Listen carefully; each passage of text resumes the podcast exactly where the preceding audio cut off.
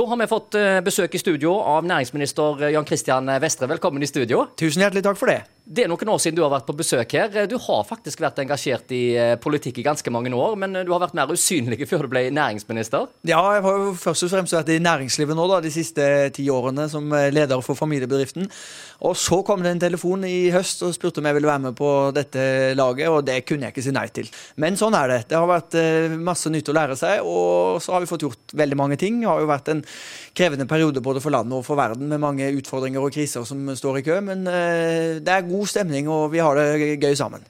Nå skal du bl.a. på besøk til Aker Solutions Stord. De er veldig sentrale i forhold til regjeringens satsing på havvind. Og Da er det vel òg eh, viktig å besøke dem? Absolutt, og det er en veldig viktig industribedrift, et viktig verft som eh, ikke bare er viktig inn mot havvind, men også mange andre grønne verdikjeder. Så jeg gleder meg til å møte både tillitsvalgte og ledelsen der og se og få en omvisning. Ja, Du får jo kritikk fra opposisjonen på Stortinget for at dere ikke er nok framoverlente i, i, forhold til dette med havvind. Eh, har dere tenkt å gire dette opp? Ja da, det har vi tenkt til. Eh, vi speeder jo nå opp hele prosessen med den planen som lå på bordet da vi kom inn i regjeringskontorene. Så skulle Norge være i gang med havvind i 2030-2031. Det har ikke vi tid til å vente på. Derfor så går vi nå litt raskere i gang med en mindre del av eh, det området som er satt av til havvind. Da kan vi være i produksjon før 2020-tallet er omme, og så kartlegger vi nå hele norskekysten for å se på hvor potensialet er størst. Og Norge skal bli en stor eh, havvindnasjon. Vi har verdens beste offshore-fagarbeidere, verdens beste offshore-ingeniører og ikke minst verdens beste offshore-leverandørindustri. Veldig mange av dem her på Haugalandet, og de skal vi bruke aktivt for å bygge dette nye grønne industrieventyret til havs. Men øh, klarer vi å gire opp tempoet? Altså, Vi har vel bare så vidt begynt, har vi ikke det? Jo, vi har bare så vidt begynt. Eh, og Det er derfor jeg liksom, eh, tar det litt med ro da, når jeg får kritikk fra Høyre, som styrte i åtte år. Det ble ikke satt i gang én eneste flytende havvindturbin på deres vakt. Nå går vi i gang. Men det vi setter i gang med, er jo ikke nok. Så vi har vært veldig tydelige på at dette er bare starten. Og det som bekymrer meg litt, er jo at andre land kan vinne dette teknologiske kappløpet fordi de investerer mer. De har større ambisjoner og setter også større mål. Så nå må vi få opp tempoet i Norge også. Det er vi i gang med, og det vil komme mye mer i månedene og årene framover. Det kan jeg garantere. Men Equinor er jo et norsk selskap, og de er jo involvert i havvindutbygging eh, flere steder i Europa. Nå siste eh, utenfor Kanariøyene, utenfor New York osv. Så, videre. så det er jo norske ingeniører og norske selskaper involvert òg i internasjonale konsepter. Absolutt, og det er kjempebra. Ikke minst gjør Equinor nå et gigantprosjekt utenfor eh, Skottland, og det heier vi selvfølgelig på. Det er viktig for å få ned utslippene i verden. Men vi trenger også å bygge ut mer kraft i Norge. Jeg er jo litt bekymret for at vi nå kan risikere å få et kraftunderskudd om noen år. Rett og slett fordi det er så mange store nye industrietableringer som kommer. Se Beyonder nå, den store batterifabrikken på Haugalandet næringspark i Tysvær skal ha veldig mye kraft. Så hvis ikke vi nå får opp utbyggingen av ny kraft, så kan vi risikere å måtte si nei takk til noen av disse etableringene. Og det er for dumt at eh, kraftnasjonen Norge har stilt seg i en sånn posisjon. Så på litt lengre sikt så er det veldig viktig at vi bygger ut mer energi.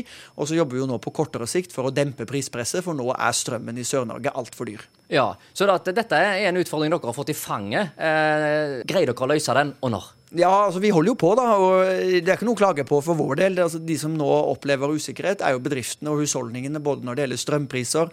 Vi ser nå økende drivstoffpriser. Det er eh, noen eh, leverandørledd og, som stopper litt opp. Vanskelig å få varene sine fram i tid. og Det kan få konsekvenser for norsk industri. Så vi følger jo dette veldig tett da, dag eh, til dag. Og så er det jo vår oppgave da, å lede Norge så godt vi kan gjennom denne krisen også. Det gikk bra gjennom pandemien, og det kommer nok til å gå bra nå også.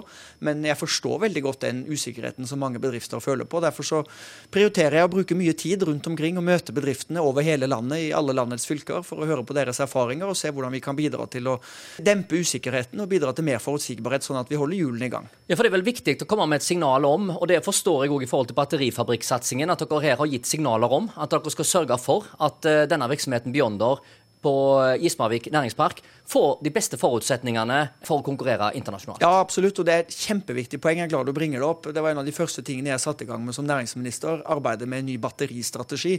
Fordi jeg ble mildt sagt sjokka da jeg så at våre naboland har betydelig bedre rammevilkår for den industrien enn det vi har. Og da risikerer vi at det er svenskene og finnene som får disse gigaetableringene, ikke Norge. Og vi skal pokker ikke være dårligere enn dem.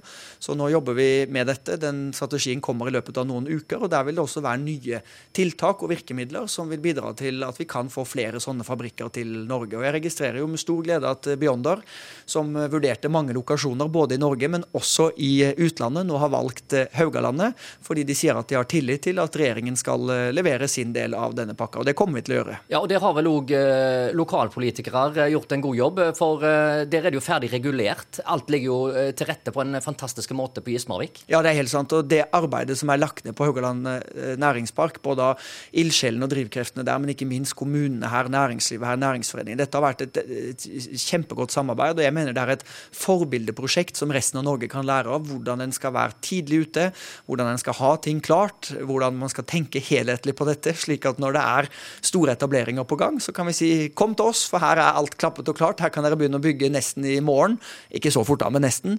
Det kan være veldig viktig konkurransefortrinn for å få etableringer hit. Så igjen, Haugalandet går foran, men jeg er ikke overrasket over det. Takk for besøket. Tusen hjertelig takk, og god påske.